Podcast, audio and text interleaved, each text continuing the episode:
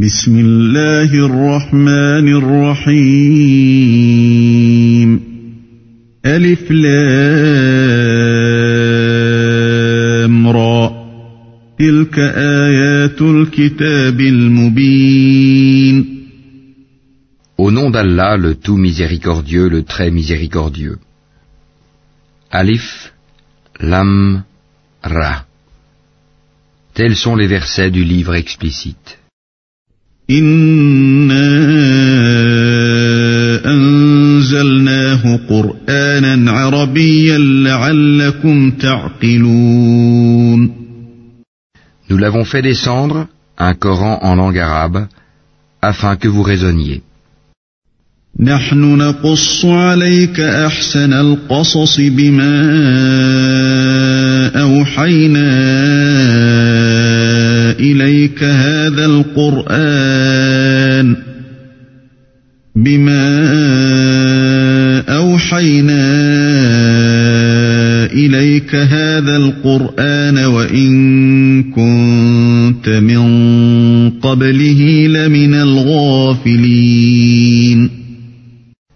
Nous te racontons le meilleur récit grâce à la révélation que nous te faisons dans ce Coran, même si tu étais auparavant du nombre des inattentifs à ces récits.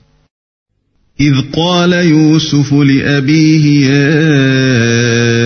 أبت إني رأيت أحد عشر كوكبا والشمس والقمر إني رأيت أحد عشر كوكبا والشمس والقمر رأيتهم لي ساجدين Quand Joseph dit à son père, Ô mon père, j'ai vu en songe onze étoiles et aussi le soleil et la lune, je les ai vus prosternés devant moi. قال يا بني لا تقصص رؤياك على إخوتك فيكيدوا لك كيدا إن الشيطان للإنسان عدو مبين Ô mon fils, dit-il, ne raconte pas ta vision à tes frères, car ils montraient un complot contre toi. Le diable est certainement pour l'homme un ennemi déclaré. وكذلك يجتبيك ربك ويعلمك من تأويل الأحاديث ويتم نعمته عليك وعلى آل يعقوب. ويتم نعمته عليك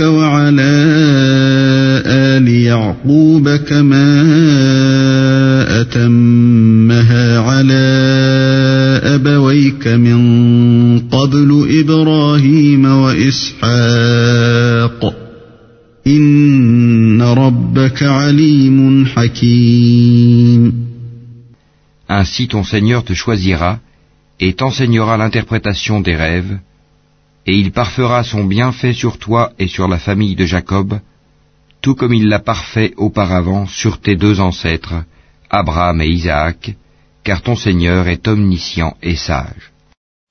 لقد كان في يوسف وإخوته آيات للسائلين Il y avait certainement en Joseph et ses frères des exhortations pour ceux qui interrogent. إذ قالوا ليوسف وأخوه أحب إلى أبينا منا ونحن عصبة ونحن عصبة إن أبانا لفي ضلال مبين Quand ceux-ci dirent, Joseph et son frère sont plus aimés de notre père que nous, alors que nous sommes un groupe bien fort. Notre père est vraiment dans un tort évident. اقتلوا يوسف أو اطرحوه أرضا يخل لكم وجه أبيكم وتكونوا من بعده قوما صالحين Tuez Joseph, ou bien éloignez-le dans n'importe quel pays, afin que le visage de votre père se tourne exclusivement vers vous, et que vous soyez après cela des gens de bien. قال قائل منهم لا تقتلوا يوسف وألقوه في غيابة الجب يلتقطه بعض السيارة إن كنتم فاعلين L'un d'eux dit, Ne tuez pas Joseph, mais jetez-le si vous êtes disposé à agir au fond du puits afin que quelque caravane le recueille. قالوا يا أبانا ما لك لا تأمننا على يوسف وإنا له لناصحون Ils dirent, Ô notre Père, qu'as-tu à ne pas te fier à nous au sujet de Joseph Nous sommes cependant bien intentionnés à son égard. أرسله معنا غدا يرتع ويلعب وإنا له لحافظون Envoie-le demain avec nous faire une promenade et jouer, et nous veillerons sur lui. قال إني ليحزنني تذهبوا به وأخاف أن يأكله الذئب وأنتم عنه غافلون Il dit, Certes, je m'attristerai que vous l'emmeniez, et je crains que le loup ne le dévore dans un moment où vous ne ferez pas attention à lui. قالوا لئن أكله الذئب ونحن عصبة إنا إذا لخاسرون Ils dirent, Si le loup le dévore, alors que nous sommes nombreux, nous serons vraiment les perdants. فلما ذهبوا به وأجمعوا أن يجعلوه في غيابة الجب وأوحينا إليه لتنبئنهم بأمرهم هذا وهم لا يشعرون Et lorsqu'ils l'eurent emmené et se furent mis d'accord pour le jeter dans les profondeurs invisibles du puits, nous lui révélâmes. Tu les informeras sûrement de cette affaire sans qu'ils s'en rendent compte. وجاءوا أباهم عشاء يبكون Et ils vinrent à leur père le soir en pleurant. قالوا يا أبانا إنا ذهبنا نستبق وتركنا يوسف عند متاعنا فأكله الذئب فأكله الذئب وما أنت بمؤمن لنا ولو كنا صادقين Ils dirent, Ô notre père, nous sommes allés faire une course, et nous avons laissé Joseph auprès de nos effets, et le loup l'a dévoré. Tu ne nous croiras pas, même si nous disons la vérité. وجاءوا على قميصه بدم كذب قال بل سولت لكم أنفسكم أمرا فصبر جميل والله المستعان على ما تصفون Ils apportèrent sa tunique tachée d'un faux sang. Il dit, Vos âmes plutôt vous ont suggéré quelque chose. Il ne me reste plus donc qu'une belle patience. C'est Allah qu'il faut appeler au secours contre ce que vous racontez. وجاءت سيارة فأرسلوا واردهم فأدلى دلوه قال يا بشرى هذا غلام وأسروه بضاعة والله عليم بما يعملون Or vint une caravane. Ils envoyèrent leur chercheur d'eau qui fit descendre son seau. Il dit, Bonne nouvelle, voilà un garçon. Et ils le dissimulèrent pour le vendre telle une marchandise. Allah cependant savait fort bien ce qu'il faisait. وشروه بثمن بخس دراهم معدودة وكانوا فيه من الزاهدين Et ils le vendirent à vil prix, pour quelques dirhams comptés. Ils le considéraient comme indésirable. وقال الذي اشتراه من مصر لامرأته أكرمي مثواه عسى أن ينفعنا عسى أن ينفعنا أو نتخذه ولدا. وكذلك مكنا ليوسف في الأرض ولنعلمه من تأويل الأحاديث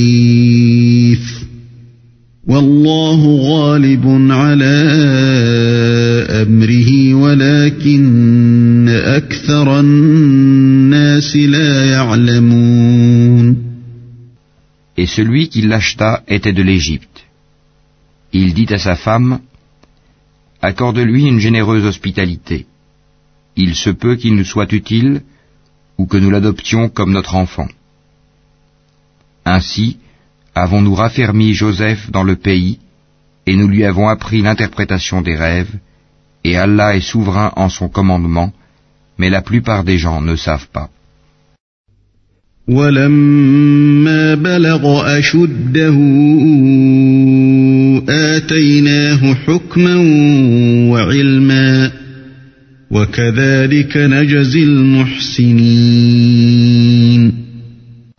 Et quand il eut atteint sa maturité, nous lui accordâmes sagesse et savoir, c'est ainsi que nous récompensons les bienfaisants. وراودته التي هو في بيتها عن نفسه وغلقت الأبواب وقالت هيت لك. قال معاذ الله إنه ربي أحسن مثواي. إنه لا يفلح الظالمون. celle, Zulika, qui l'avait reçu dans sa maison, essaya de le séduire.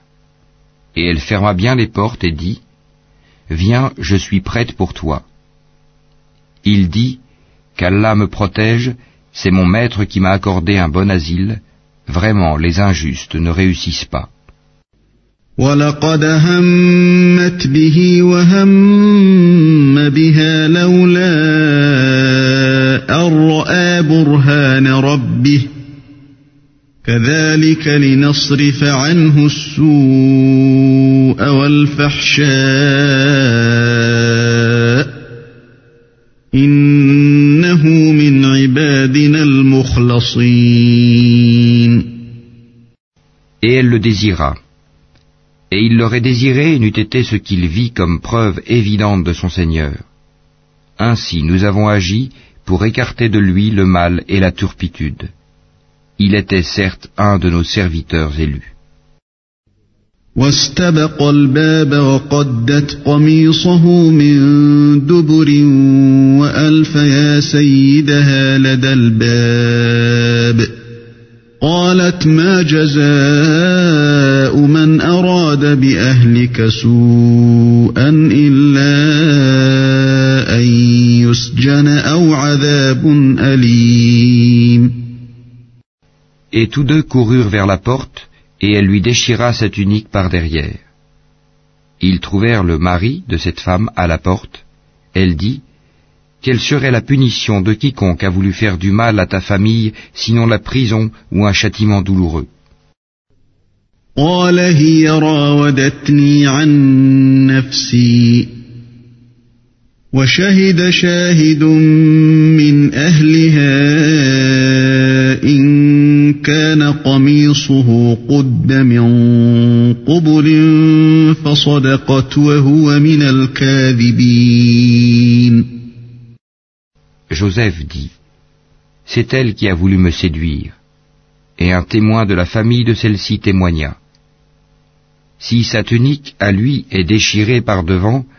alors c'est elle qui dit la vérité, tandis qu'il est du nombre des menteurs. وإن كان قميصه قد من دبر فكذبت وهو من الصادقين Mais si sa tunique est déchirée par derrière, alors c'est elle qui mentit, tandis qu'il est du nombre des véridiques. فلما رأى قميصه قد من دبر قال إنه من كيدكن إن كيدكن عظيم Puis, quand il, le mari, vit la tunique déchirée par derrière, il dit, C'est bien de votre ruse de femme. Vos ruses sont vraiment énormes.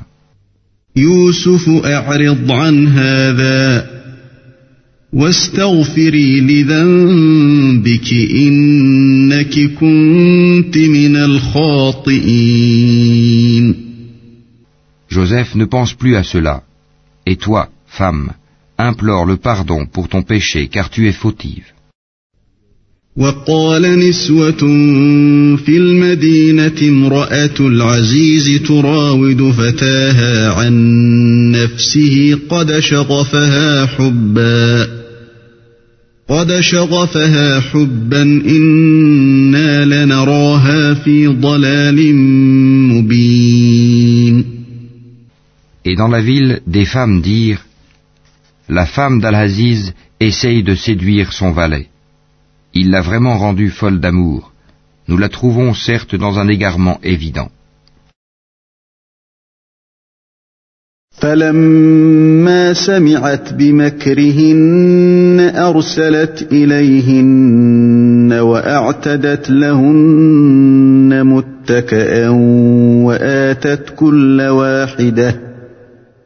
وآتت كل واحدة منهن سكينا وقالت اخرج عليهن فلما رأينه أكبرنه فلما رأينه أكبرنه وقطعن أيديهن وقلن حاش لله وقلن حاش لله ما هذا بشرا إن هذا إلا ملك كريم Lorsqu'elle eut entendu leur fourberie, elle leur envoya des invitations et prépara pour elles une collation.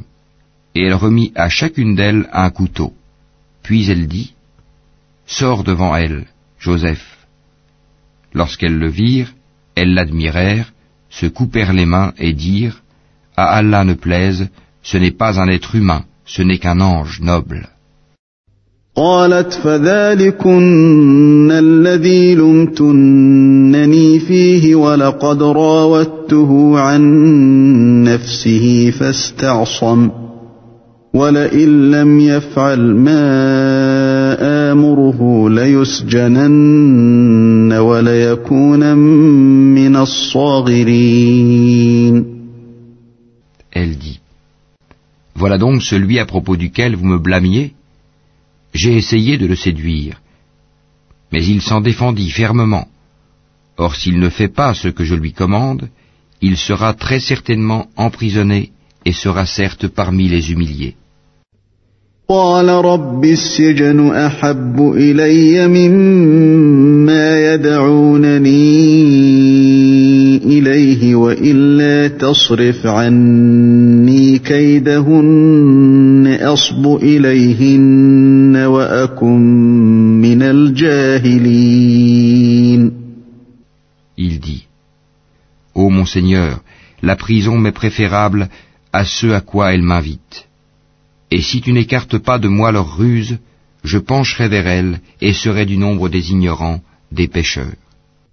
فاستجاب له ربه فصرف عنه كيدهن إنه هو السميع العليم Son Seigneur l'exauça donc et éloigna de lui leurs ruses.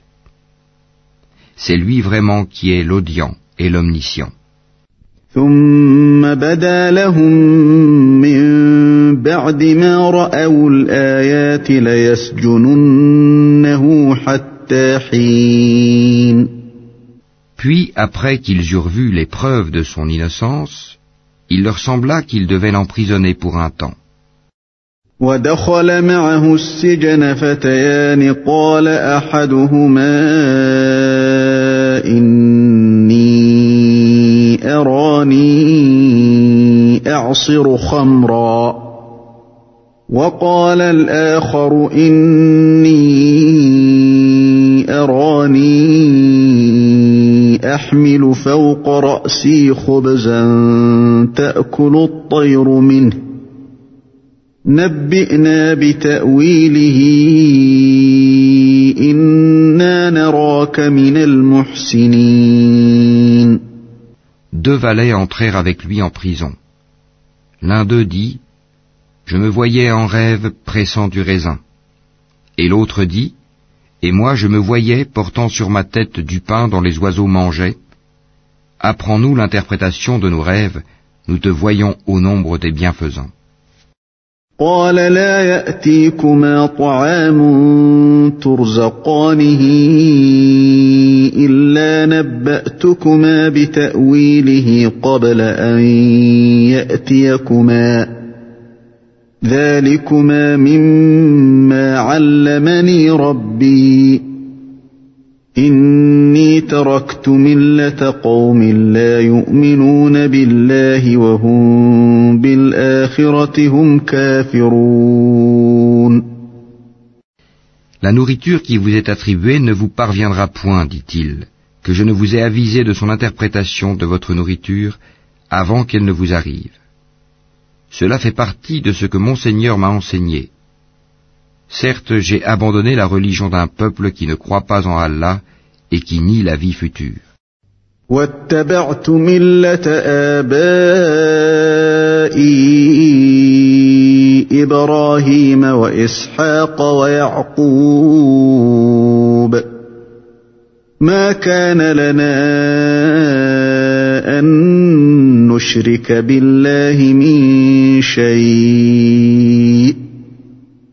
ذلك من فضل الله علينا وعلى الناس ولكن اكثر الناس لا يشكرون Et j'ai suivi la religion de mes ancêtres, Abraham, Isaac et Jacob. Il ne nous convient pas d'associer à Allah quoi que ce soit. Ceci est une grâce d'Allah sur nous et sur tout le monde, mais la plupart des gens ne sont pas reconnaissants. يا صاحبي السجن أأرباب متفرقون خير أم الله الواحد القهار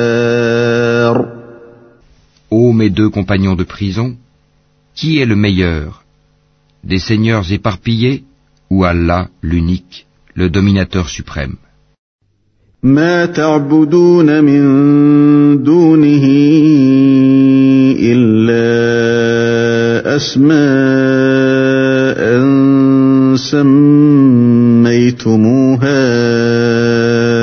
أنتم وآباؤكم.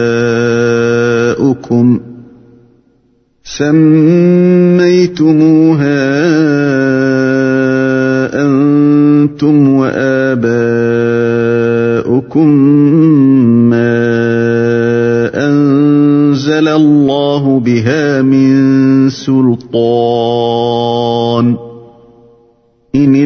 الحكم إلا لله أمر ألا تعبدوا إلا إياه ذلك الدين القيم ولكن أكثر الناس لا يعلمون Vous n'adorez en dehors de lui que des noms que vous avez inventés, vous et vos ancêtres, et à l'appui desquels Allah n'a fait descendre aucune preuve.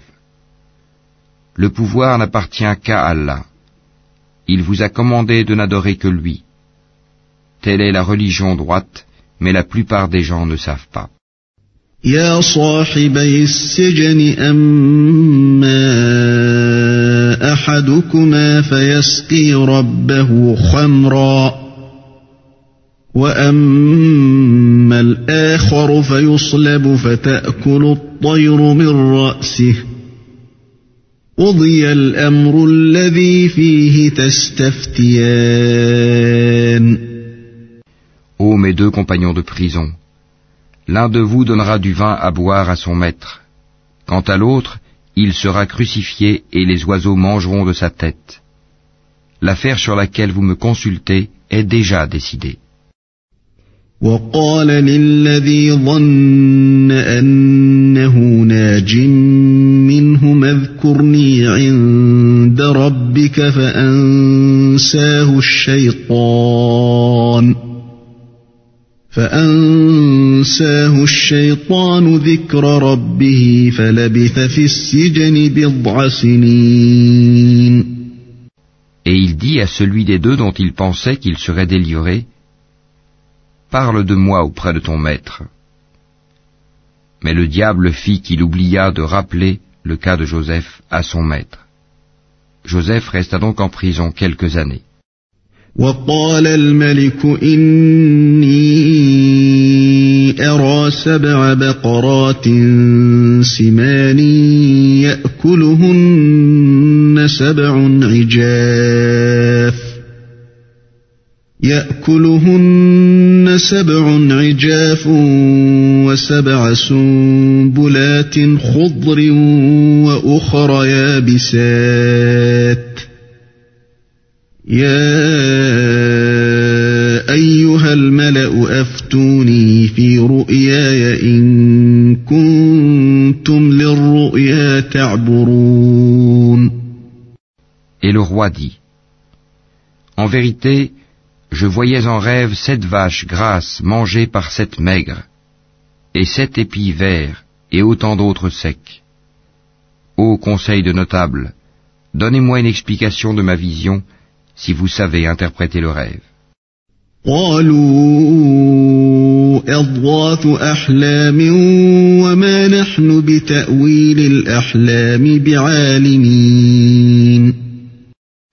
Ils dirent C'est un amas de rêves, et nous ne savons pas interpréter les rêves. وقال الذي نجا منهما وادكر بعد أمة أنا أنبئكم بتأويله فأرسلون Or, celui des deux qui avait été délivré, et qui après quelque temps se rappela, dit, Je vous en donnerai l'interprétation, envoyez-moi donc. يوسف أيها الصديق أفتنا في سبع بقرات سمان يأكلهن سبع عجاف يأكلهن سبع عجاف وسبع سنبلات خضر وأخر يابسات لعلي أرجع إلى الناس لعلي أرجع إلى الناس لعلهم يعلمون Ô toi, Joseph, le véridique, éclaire-nous au sujet de sept vaches grasses que mangent sept très maigres, et sept épis verts, et autant d'autres secs, afin que je retourne aux gens et qu'ils sachent l'interprétation exacte du rêve.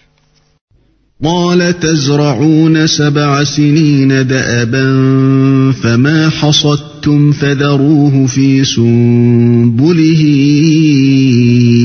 إلا قليلا مما تأكلون Alors Joseph dit, Vous sèmerez pendant sept années consécutives. Tout ce que vous aurez moissonné, laissez-le en épis, sauf le peu que vous consommerez. ثم يأتي من بعد ذلك سبع شداد يأكلن ما قدمتم لهن إلا قليلا مما تحصنون Viendront ensuite sept années de disette qui consommeront tout ce que vous aurez amassé pour elles, sauf le peu que vous aurez réservé comme semence. ثم يأتي من بعد ذلك عام فيه يغاث الناس وفيه يعصرون Puis viendra après cela une année où les gens seront secourus par la pluie et iront au pressoir. وقال الملك ائتوني به فلما جاءه الرسول قال ارجع إلى ربك فاسأله ما بال النسوة اللاتي قطعن أيديهن إن ربي بكيدهن عليم Et le roi dit, Amenez-le-moi. Puis lorsque l'émissaire arriva auprès de lui, Joseph dit, Retourne auprès de ton maître et demande-lui quelle était la raison qui poussa les femmes à se couper les mains. Mon Seigneur connaît bien leurs ruses. قال ما خطبكن إذ راوتن يوسف عن نفسه قلن حاش لله ما علمنا عليه من سوء قالت امرأة العزيز الآن حصحص الحق أنا راودته عن نفسه وإنه لمن الصادقين Alors le roi leur dit, Qu'est-ce donc qui vous a poussé à essayer de séduire Joseph Elles dirent, Allah ne plaise, nous ne connaissons rien de mauvais contre lui. Et la femme d'Al-Aziz dit, Maintenant la vérité s'est manifestée, c'est moi qui ai voulu le séduire, et c'est lui vraiment qui est du nombre des véridiques. ذلك ليعلم أني لم أخنه بالغيب وأن الله لا يهدي كيد الخائنين Cela afin qu'il sache que je ne l'ai pas trahi en son absence, et qu'en vérité, Allah ne guide pas la ruse des traîtres. وما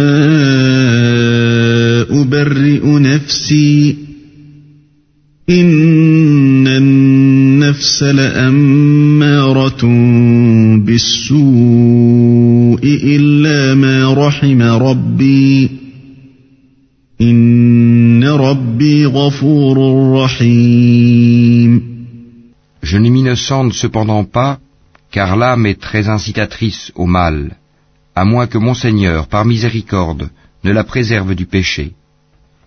Mon Seigneur est certes pardonneur et très miséricordieux. وقال الملك ائتوني به استخلصه لنفسي فلما كلمه قال انك اليوم لدينا مكين امين Et le roi dit, Amenez-le-moi, je me le réserve pour moi-même. Et lorsqu'il lui eut parlé, il dit, Tu es dès aujourd'hui près de nous en une position d'autorité et de confiance. قال اجعلني على خزائن الارض اني حفيظ عليم Et Joseph dit, Assigne-moi les dépôts du territoire, je suis bon gardien et connaisseur.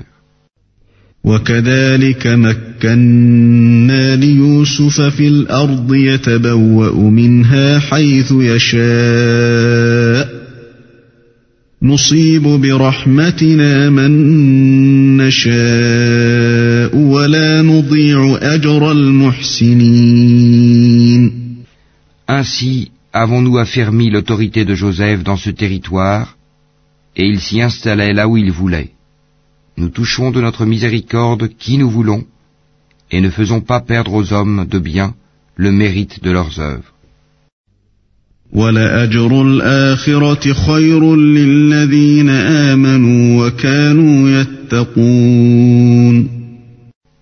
Et la récompense de l'au-delà est meilleure pour ceux qui ont cru et ont pratiqué la piété.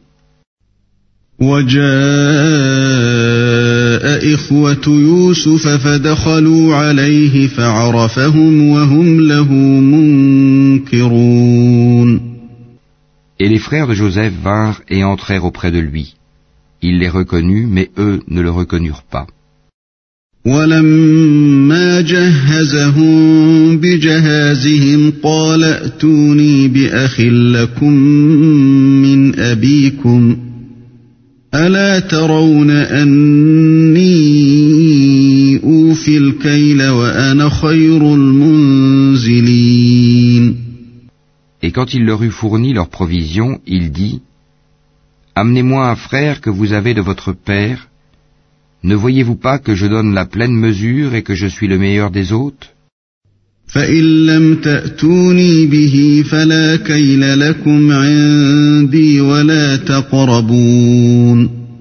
et si vous ne me l'amenez pas, alors il n'y aura plus de provision pour vous chez moi, et vous ne m'approcherez plus.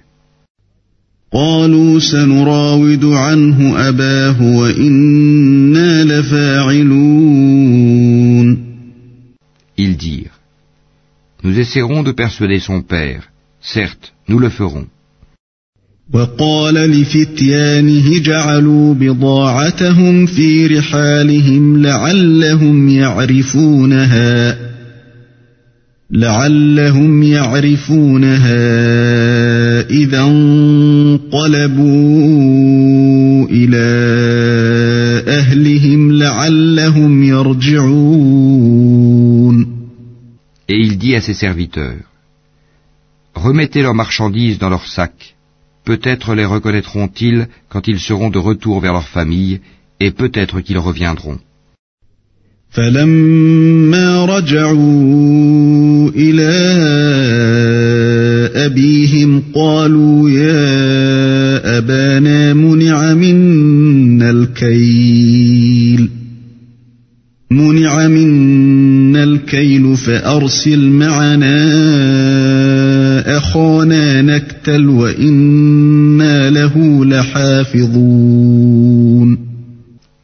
Et lorsqu'ils revinrent à leur père, ils dirent, Ô notre père, il nous sera refusé à l'avenir de nous ravitailler en grains. Envoie donc avec nous notre frère, afin que nous obtenions des provisions, nous le surveillerons bien. قال هل آمنكم عليه إلا كما أمنتكم على أخيه من قبل فالله خير حافظا وهو أرحم الراحمين Il dit Vais-je vous le confier comme auparavant je vous ai confié son frère Mais Allah est le meilleur gardien et il est le plus miséricordieux des miséricordieux. ولما فتحوا متاعهم وجدوا بضاعتهم ردت إليهم قالوا يا أبانا ما نبغي؟ قالوا يا أبانا ما نبغي؟ هذه بضاعتنا ردت إلينا ونمير أهلنا. Et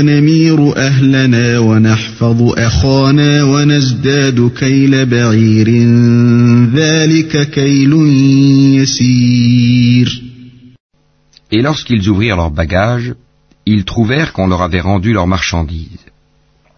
Ils dirent, Ô notre Père, que désirons-nous de plus? Voici que nos marchandises nous ont été rendues. Et ainsi, nous approvisionnerons notre famille, nous veillerons à la sécurité de notre frère, et nous nous ajouterons la charge d'un chameau, et c'est une charge facile. قال لن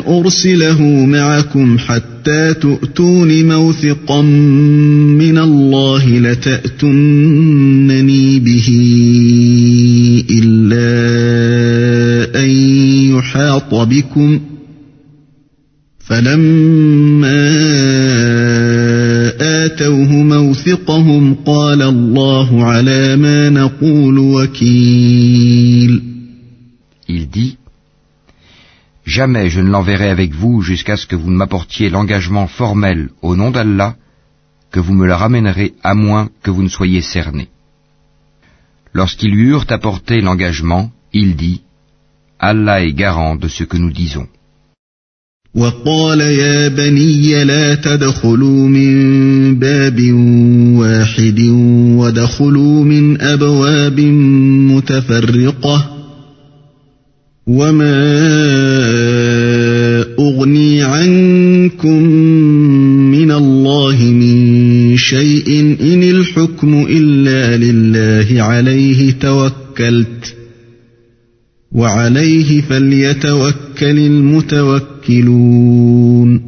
Et il dit, Ô mes fils, n'entrez pas par une seule porte, mais entrez par portes séparées. Je ne peux cependant vous être d'aucune utilité contre les desseins d'Allah. La décision n'appartient qu'à Allah, en lui je place ma confiance, et que ceux qui placent leur confiance la placent en lui. ولما دخلوا من حيث أمرهم أبوهم ما كان يغني عنهم من الله من شيء.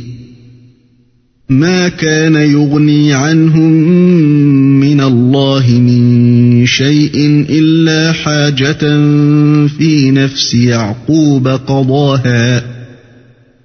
وإنه لذو علم علمناه ولكن اكثر الناس لا يعلمون Étant entrés comme leur père le leur avait commandé, cela ne leur servit à rien contre les décrets d'Allah. Ce n'était au reste qu'une précaution que Jacob avait jugé de leur recommander. Il avait pleine connaissance de ce que nous lui avions enseigné, mais la plupart des gens ne savent pas. ولما دخلوا على يوسف آوى إليه أخاه قال إني أنا أخوك قال إني أنا أخوك فلا تبتئس بما كانوا يعملون Et quand ils furent entrés auprès de Joseph, celui-ci retint son frère auprès de lui en disant, Je suis ton frère, ne te chagrine donc pas pour ce qu'il faisait. فلما جهزهم بجهازهم جعل السقاية في رحل أخيه. جعل السقاية في رحل أخيه ثم أذن مؤذن أيتها العير إنكم لسارقون. Puis, quand il leur eut fourni leurs provisions, il mit la coupe dans le sac de son frère. Ensuite, un crieur annonça Caravaniers, vous êtes des voleurs.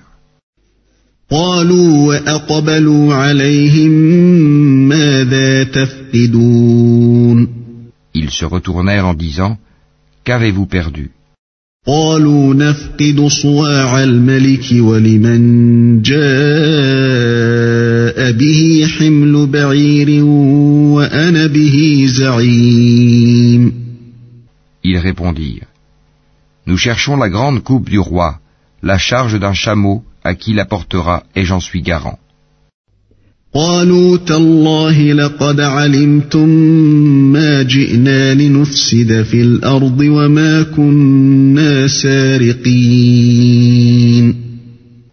Par Allah, dirent-ils, vous savez certes que nous ne sommes pas venus pour semer la corruption sur le territoire et que nous ne sommes pas des voleurs. قالوا فما جزاؤه إن كنتم كاذبين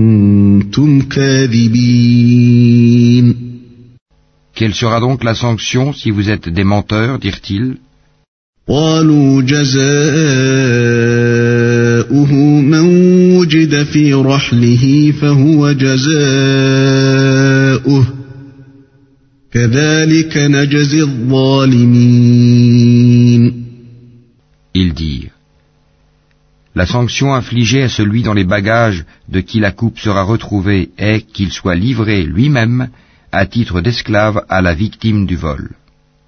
C'est ainsi que nous punissons les malfaiteurs. فبدأ بأوعيتهم قبل وعاء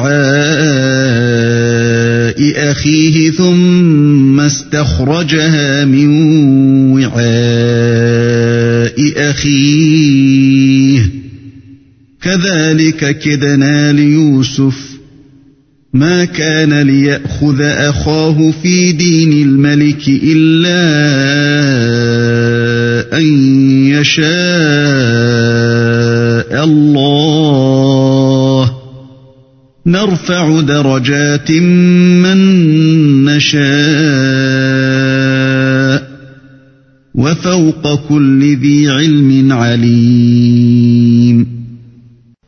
Joseph commença par les sacs des autres avant celui de son frère, puis il la fit sortir du sac de son frère. Ainsi, suggérâmes-nous cet artifice à Joseph, car il ne pouvait pas se saisir de son frère selon la justice du roi, à moins qu'Allah ne l'eût voulu. Nous élevons en rang qui nous voulons, et au-dessus de tout homme détenant la science, il y a un savant, plus docte que lui. قالوا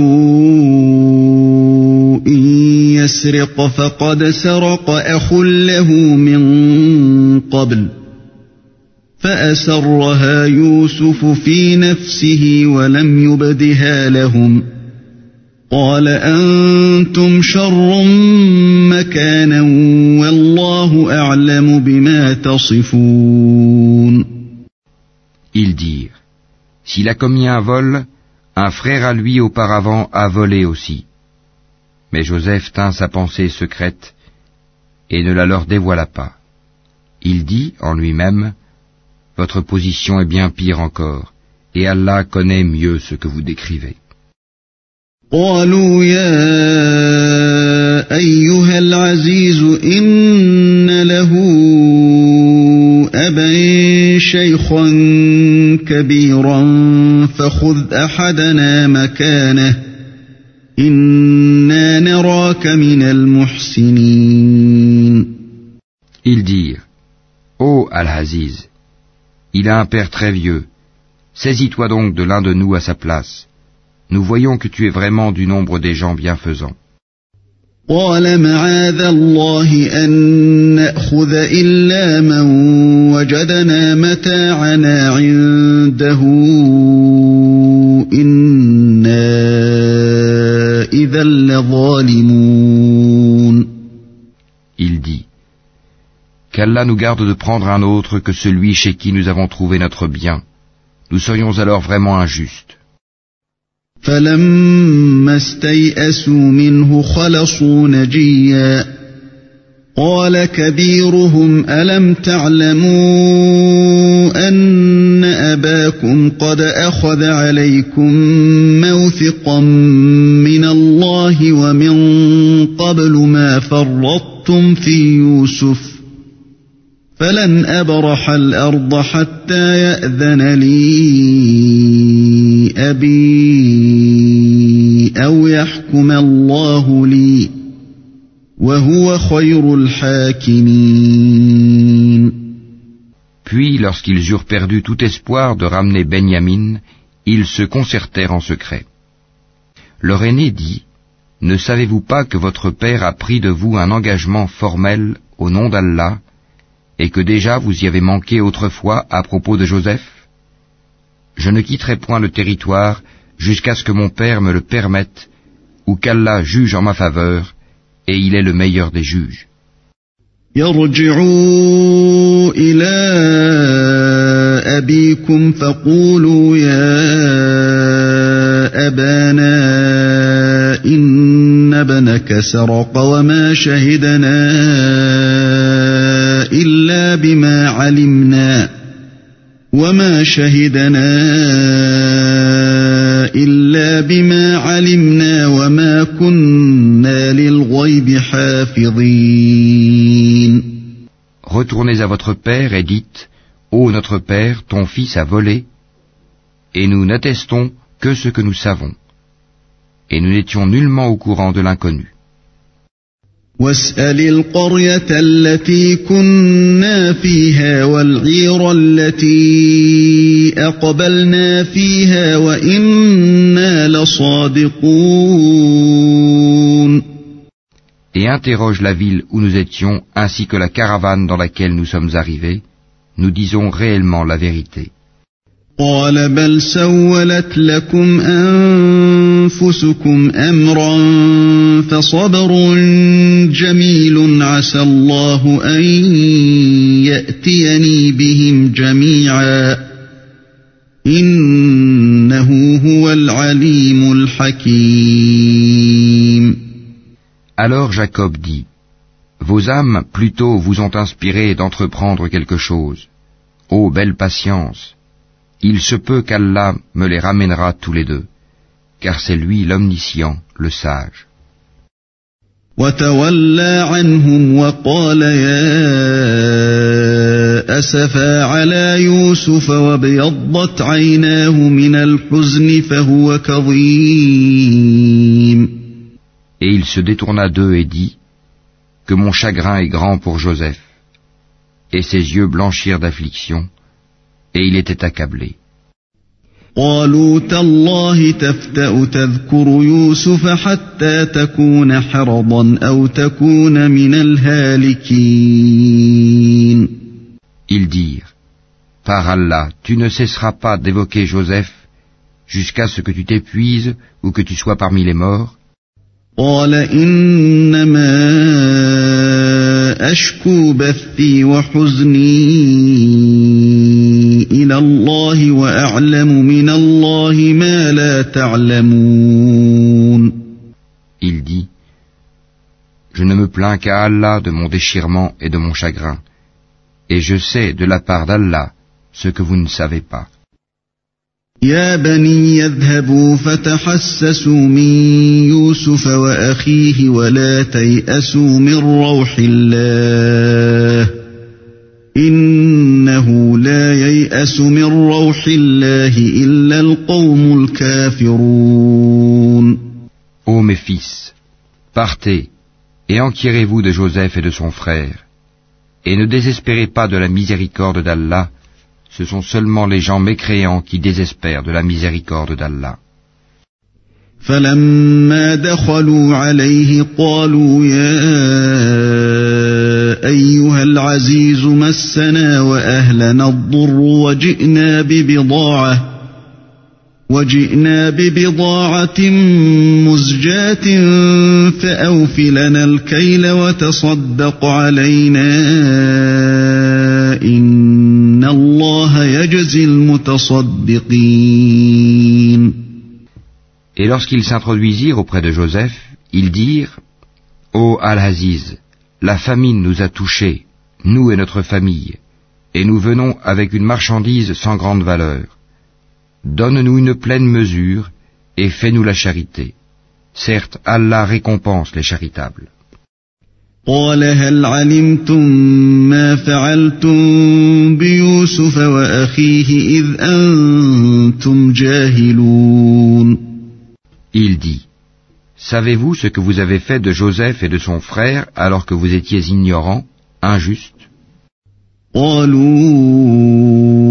أئنك لأنت يوسف قال أنا يوسف وهذا أخي قد من الله علينا إنه من يتق ويصبر فإن الله لا يضيع أجر المحسنين Ils dirent, Est-ce que tu es Certes, tu es Joseph. Il dit, Je suis Joseph, et voici mon frère. Certes, Allah nous a favorisés. Quiconque craint et patiente, et très certainement, Allah ne fait pas perdre la récompense des bienfaisants. قالوا تالله لقد آثرك الله علينا وإن كنا لخاطئين Ils dirent, Par Allah, vraiment Allah t'a préféré à nous, et nous avons été fautifs. قال لا تثريب عليكم اليوم يغفر الله لكم وهو أرحم الراحمين Il dit, Pas de récrimination contre vous aujourd'hui, qu'Allah vous pardonne, c'est lui le plus miséricordieux des miséricordieux. اذهبوا بقميصي هذا فألقوه على وجه أبي يأت بصيرا وأتوني بأهلكم أجمعين Emportez ma tunique que voici, et appliquez-la sur le visage de mon père. Il recouvrera aussitôt la vue. Et amenez-moi toute votre famille. ولما فصلت العير قال أبوهم إني لأجد ريح يوسف لولا أن تفندون Et dès que la caravane franchit la frontière de Canaan, leur père dit, Je décèle certes l'odeur de Joseph, même si vous dites que je radote. قالوا تالله إنك لفي ضلالك القديم Ils lui dirent, Par Allah, te voilà bien dans ton ancien égarement. فلما أن جاء البشير ألقاه على وجهه فارتد بصيرا قال ألم أقل لكم إني أعلم من الله ما لا تعلمون Puis, quand arriva le porteur de bonne annonce, il l'appliqua, la tunique, sur le visage de Jacob. Celui-ci recouvra aussitôt la vue et dit, Ne vous ai-je pas dit que je sais par Allah ce que vous ne savez pas قالوا يا أبانا استغفر لنا ذنوبنا إنا كنا خاطئين Ils dirent, Ô notre Père, implore pour nous la rémission de nos péchés, nous étions vraiment fautifs. قال سوف أستغفر لكم ربي إنه هو الغفور الرحيم Il dit, J'implorerai pour vous le pardon de mon Seigneur, car c'est lui le pardonneur, le très miséricordieux. فلما دخلوا على يوسف آوى إليه أبويه وقال ادخلوا مصر إن شاء الله آمنين Lorsqu'ils s'introduisirent auprès de Joseph, celui-ci accueillit ses pères et mères et leur dit, Entrez en Égypte en toute sécurité, si Allah le veut.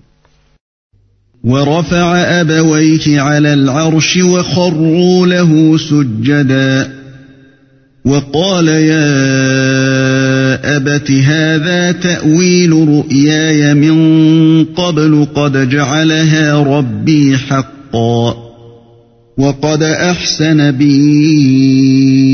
إذ أخرجني من السجن وجاء بكم من البدو من بعد أن نزغ الشيطان بيني وبين إخوتي.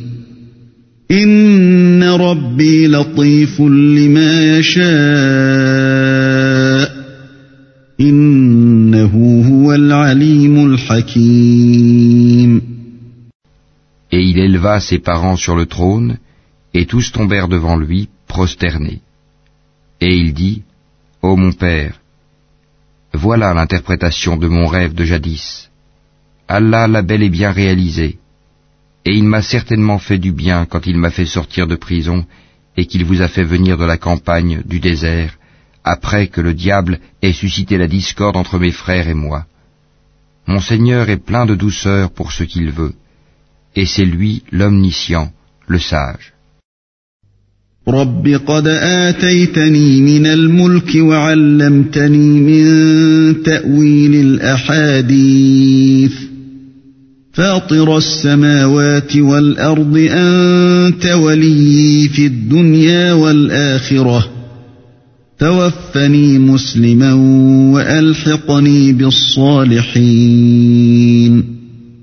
Ô mon Seigneur, tu m'as donné du pouvoir et m'as enseigné l'interprétation des rêves. C'est toi le Créateur des cieux et de la terre. Tu es mon patron, ici-bas et dans l'au-delà. Fais-moi mourir en parfaite soumission et fais-moi rejoindre les vertueux. ذلك من أنباء الغيب نوحيه إليك وما كنت لديهم إذ أجمعوا أمرهم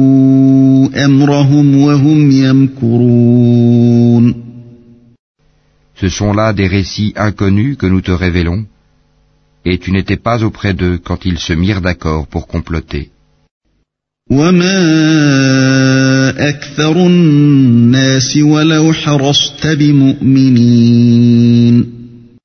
Et la plupart des gens ne sont pas croyants malgré ton désir ardent.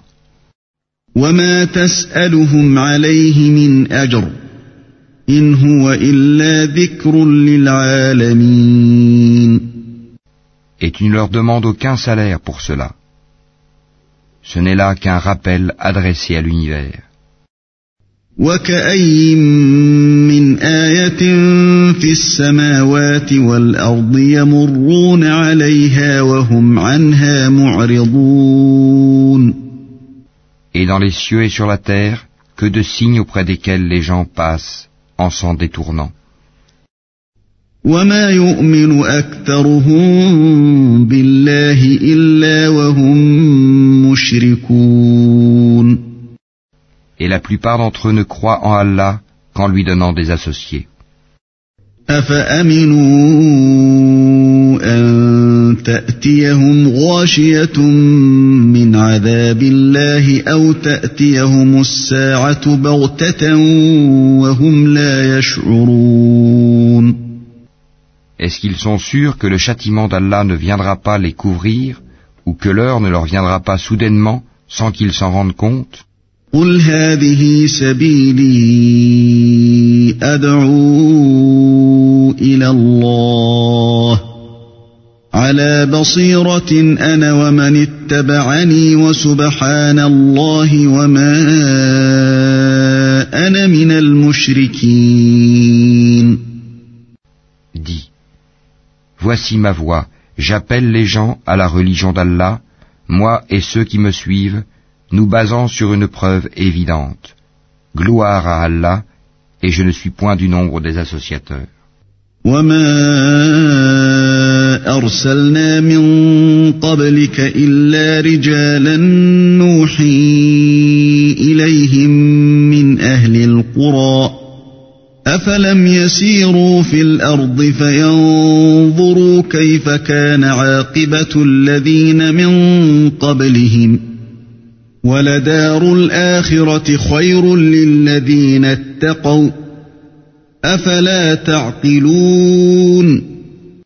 n'avons envoyé avant toi que des hommes originaires des cités, à qui nous avons fait des révélations. Ces gens-là n'ont-ils pas parcouru la terre et considéré quelle fut la fin de ceux qui ont vécu avant eux? La demeure de l'au-delà est assurément meilleure pour ceux qui craignent Allah. Ne raisonnerez-vous donc pas? حتى إذا استيأس الرسل وظنوا أنهم قد كذبوا جاءهم نصرنا جاءهم نصرنا فنجي من نشاء ولا يرد بأسنا عن القوم المجرمين. Quand les messagers faillirent perdre espoir et que leurs adeptes eurent pensé qu'ils étaient dupés, voilà que vint à eux notre secours, et furent sauvés ceux que nous voulûmes. Mais notre rigueur ne saurait être détournée des gens criminels. لقد كان في قصصهم عبرة لأولي الألباب ما كان حديثا يفترى ولكن تصديق الذي بين يديه وتفصيل كل شيء وهدى ورحمة لقوم يؤمنون Dans leur récit, il y a certes une leçon pour les gens doués d'intelligence. Ce n'est point là un récit fabriqué. C'est au contraire la confirmation de ce qui existait déjà avant lui, un exposé détaillé de toutes choses, un guide et une miséricorde pour des gens qui croient.